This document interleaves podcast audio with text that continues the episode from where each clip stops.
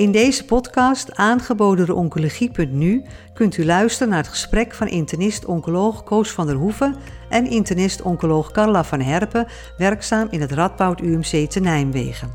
Aan bod komen onder andere bij welke tumoren komt een NTRK fusiegen voor, de medicijnen die hiervoor beschikbaar zijn en hoe patiënten die hiervoor in aanmerking komen geïdentificeerd worden.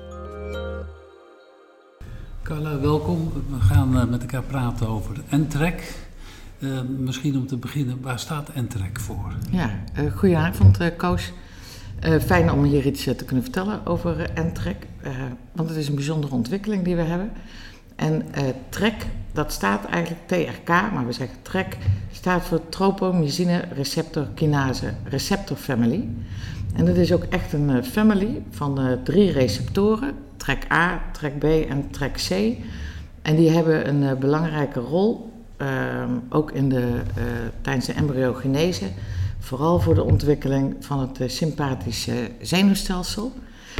En het aardige is, daar komen we natuurlijk straks op, dat we daar geneesmiddelen nu tegen hebben. Maar de bijwerkingen die die geneesmiddelen hebben, die zijn daar deels ook aan af te leiden. Die zijn mild, maar die hebben vooral te maken ook dat daar de trek zitten en dus hoofdpijn, duizeligheid, dat zijn onder andere bijwerkingen. En we denken dat dat dus komt omdat het een rol speelt bij de ontwikkeling van het sympathisch zenuwstelsel. Dus NTREC, dat is eigenlijk al een hele tijd bekend, maar heeft nieuwe belangstelling gekregen omdat er nieuwe medicijnen ontwikkeld zijn die echt specifiek tegen dat fusiegen gericht zijn. Daar hebben we er twee van. Um, dat NTREC, waar, waar, komt dat voor? Komt dat, komt dat op gewone cellen voor of komt het dan op tumorcellen voor of komt dat... Nee, dat is, uh, dat is een goede vraag. En nog heel even terug. Uh, die TREC-fusie-eiwitten, daar weten we van dat het ongegene drivers zijn. En als, je dus, als er een ligand opkomt bij zo'n NTREC-fusiegen, dan krijg je dus via EUK en AKT krijg je groei van tumorcellen. En daarmee is jouw vraag eigenlijk ook beantwoord. En wat voor cellen komt het voor? Nou, het komt in een aantal tumorcellen voor. En het bijzondere is dat er een aantal tumoren zijn, eh, vooral zeldzame tumoren, waar zelfs de expressie 100% kan zijn. Daar gebruiken we het eigenlijk ook al in de diagnostiek, al jaren.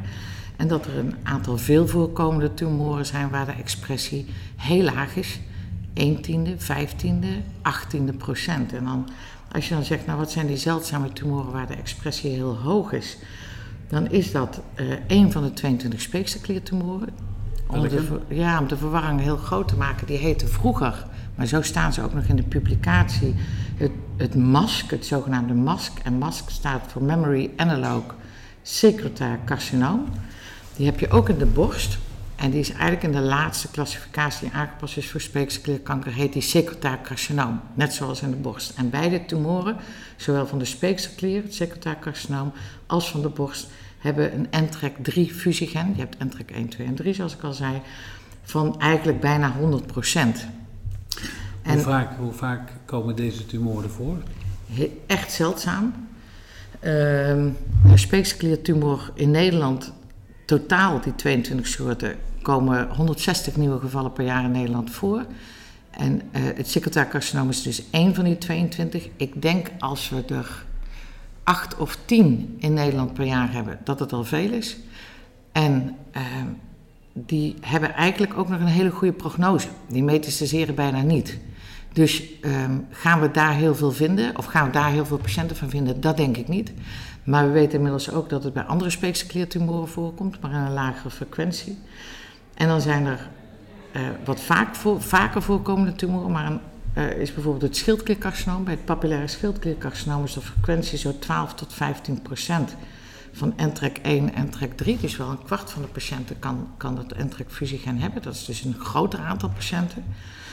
Um, en dan zijn er een aantal kindertumoren, hele zeldzame, die een hele hoge, uh, waar het heel veel voorkomt. Dat is het infantiel fibrosarcoom en het congenitale mesoblastoom nefroom. En daar komt het echt bijna in 100% voor. En dat zijn vaak hele grote, bulky tumoren die veel uh, consequenties hebben voor kinderen als ze die hebben. Omdat het soms dus zeker bij dat sarcoom gaat om beenamputaties of armamputaties. En daarvan is aangetoond als je een van, nou vooral naar de middelen gaan we het zo over hebben, maar als je dat geeft voor een operatie, dat er echt een complete remissie kan optreden, waardoor been amputaties niet nodig zijn. Als we het hebben over de veel voorkomende tumoren, dus het, het gewone mammacarcinoom, longkanker, prostaatkanker, coloncarcinoom, wat is dan het, de incidentie van uh, de, het uh, NTRK-fusiegen? Ja, voor zover we nu weten zit dat allemaal bij deze veel voorkomende tumoren tussen de 1 tiende en 15 procent. En zijn er nog andere tumoren waar de incidentie meer dan 5 procent is? Bij een aantal kin kindertumoren en bij een aantal, uh, dus de kindertumoren met de hersentumoren vooral, die zitten zit hoog in frequentie.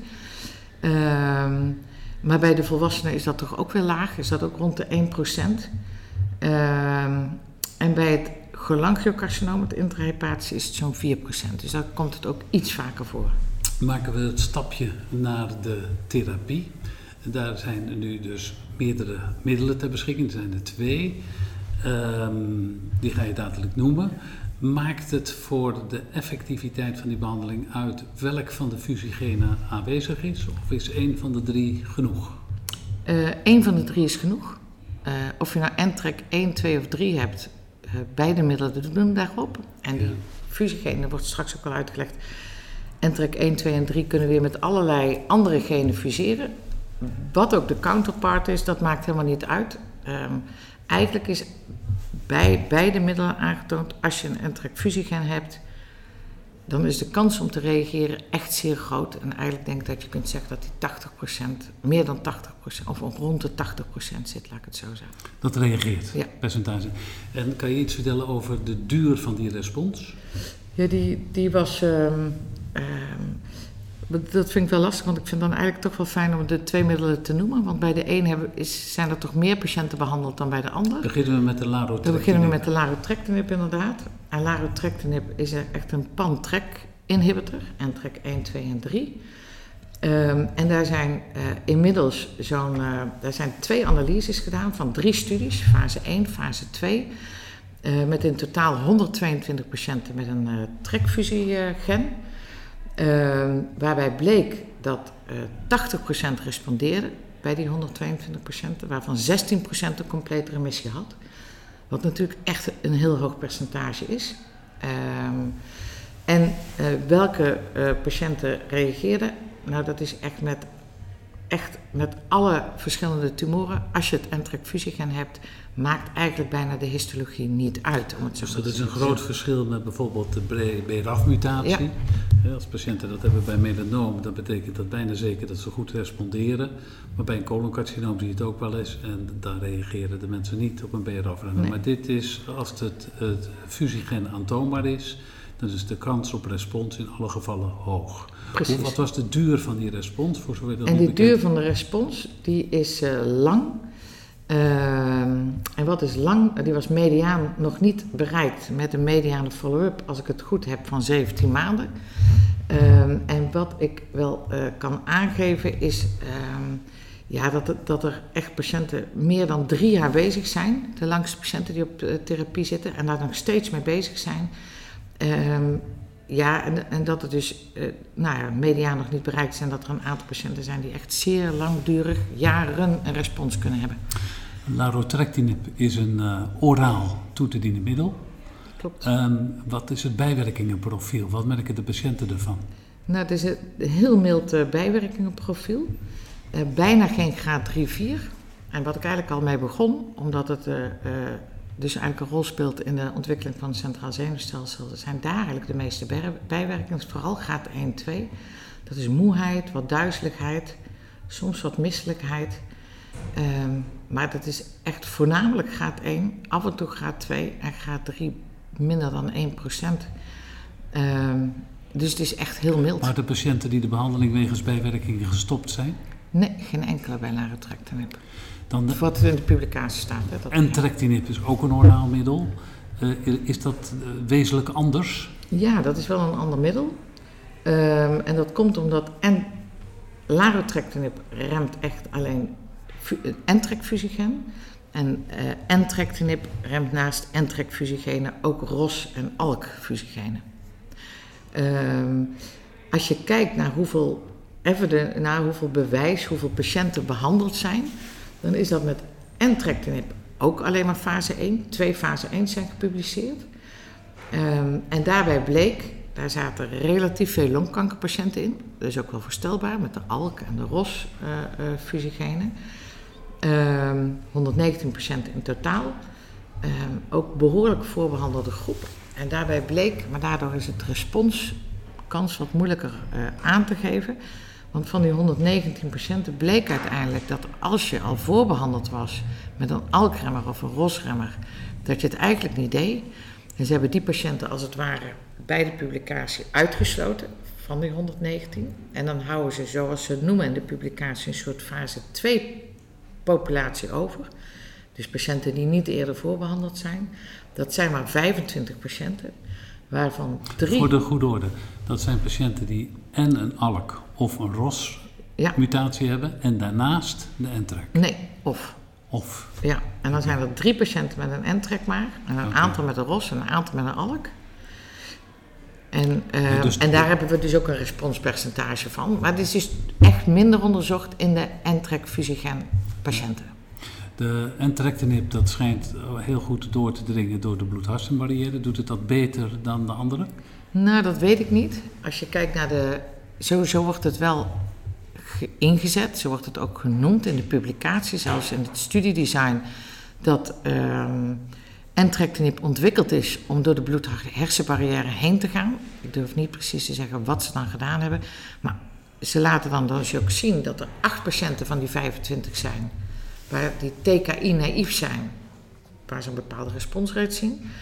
En dat er van die acht, vijf hersenmetastase, of acht, sorry, acht patiënten waren met hersenmetastase en vijf van die acht laten respons zien van die hersenmetastase. Maar als je kijkt naar larotrectinib en in de serie van die 122 patiënten, zie je ook dat er patiënten waren met hersenmetastase die ook een respons laten zien.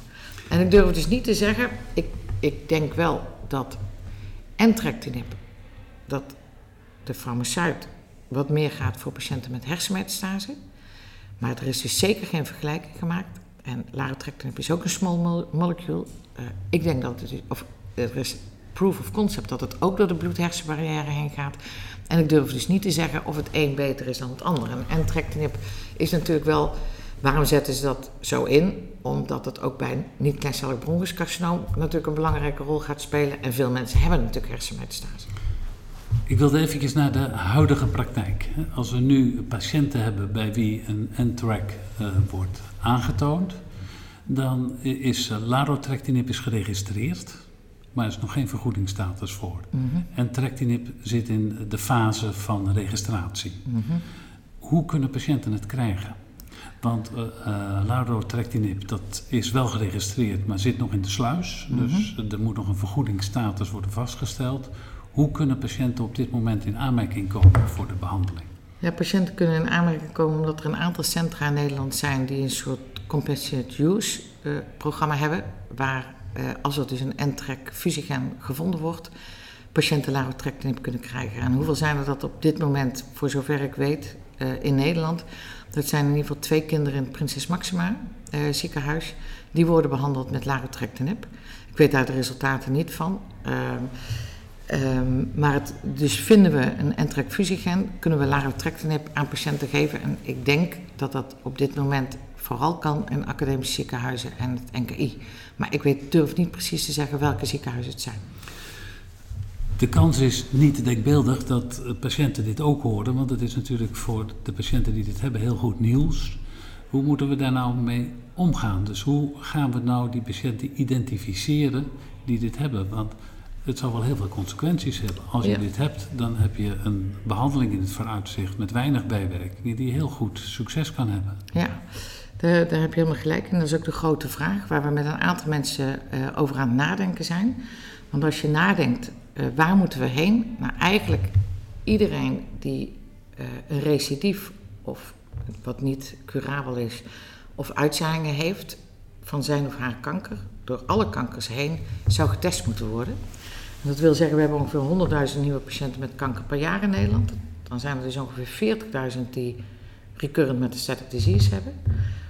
Hoeveel zijn er daarvan in goede conditie? Hè? Die nog, dat durf ik natuurlijk niet te zeggen, daar zullen er wat, een aantal toch van afvallen. Maar het gaat dus om tienduizenden patiënten die je wilt testen. Nou, die hele zeldzame hebben een hoge expressie, maar dat telt bijna niet mee op het geheel. Dus dan kom je op een half tot 1 procent die positief is. En dan denk ik dat we op ongeveer 100 tot 200 patiënten komen in Nederland per jaar die over een aanmerking komen, als je doorrekent. En de vraag is inderdaad, hoe gaan we ze vinden?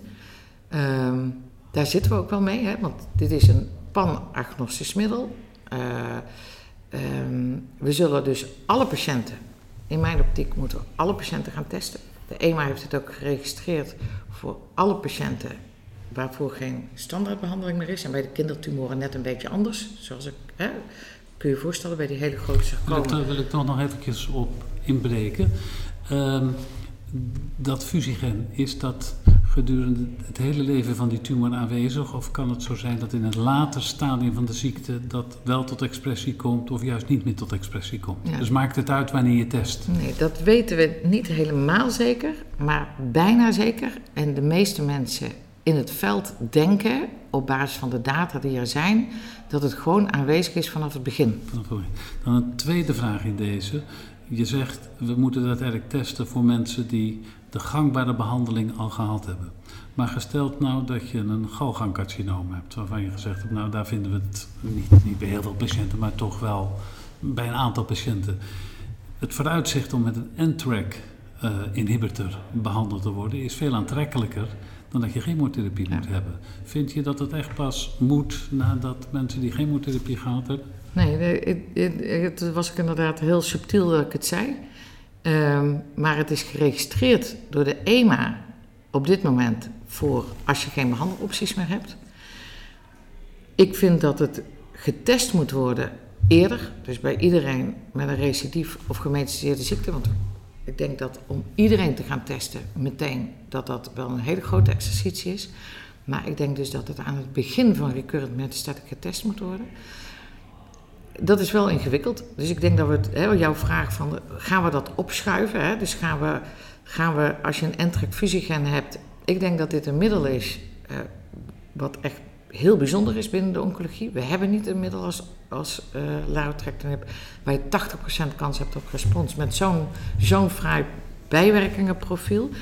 Dus het zal denk ik zeker gaan opschuiven. En de vraag is ook, kijk, wat zie je nu als uh, standaardmedicatie?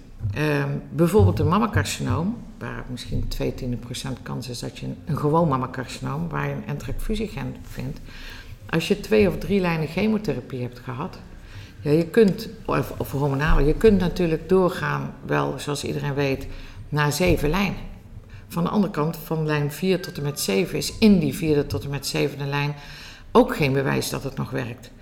Dus ik kan me heel goed voorstellen precies wat jij zegt, dat dat gaat opschuiven. Daarom denk ik wel dat het belangrijk is dat we registreren wat we doen, om daar ook van te leren. Maar ik ben het helemaal met je eens, ook bij het galgangcarcinoom wat jij noemt daar als voorbeeld. En je hoort bij die 3,6% die het heeft, dan wil je dat weten. Dan wil je het weten op het moment dat je je recidief hebt. En dan uh, is de vraag hoeveel chemo je gaat doen voordat je met een N-trekkeremmer behandeld gaat worden. Ik ga dadelijk ook dit nog bespreken met uh, een patholoog. Mm -hmm. Maar um, Emiel Voes die heeft als gezegd, naar aanleiding van de DRUP-studie... ik vind dat, dat iedere patiënt met kanker recht heeft om één keer zijn, uh, zijn DNA van de tumor te laten sequencen. Mm -hmm. Want als hij dat doet, komt hij eruit. Dat klopt ja. toch? Vind je dat ook? Want ja, als kijk, je dat ik, bij ik, al die 50.000 ja. mensen doet, dan, dan weet ja. je het. Ja, ik, ik vind wel. Um, ik denk even omgekeerd en dan beantwoord ik je vraag. Um, ik vind als je nu kanker hebt als patiënt en je hebt recurrent metastatic disease, zou je het bij wijze van spreken morgen moeten weten. Uh, de uitspraak van Emiel is voor wat mij betreft, hebben we niet morgen geregeld. We zijn er ook met een expertgroep aan nadenken. Want het Zorginstituut vindt het heel erg ingewikkeld. Hoe gaan we nou zorgen dat we al die patiënten vinden en het gaan geven?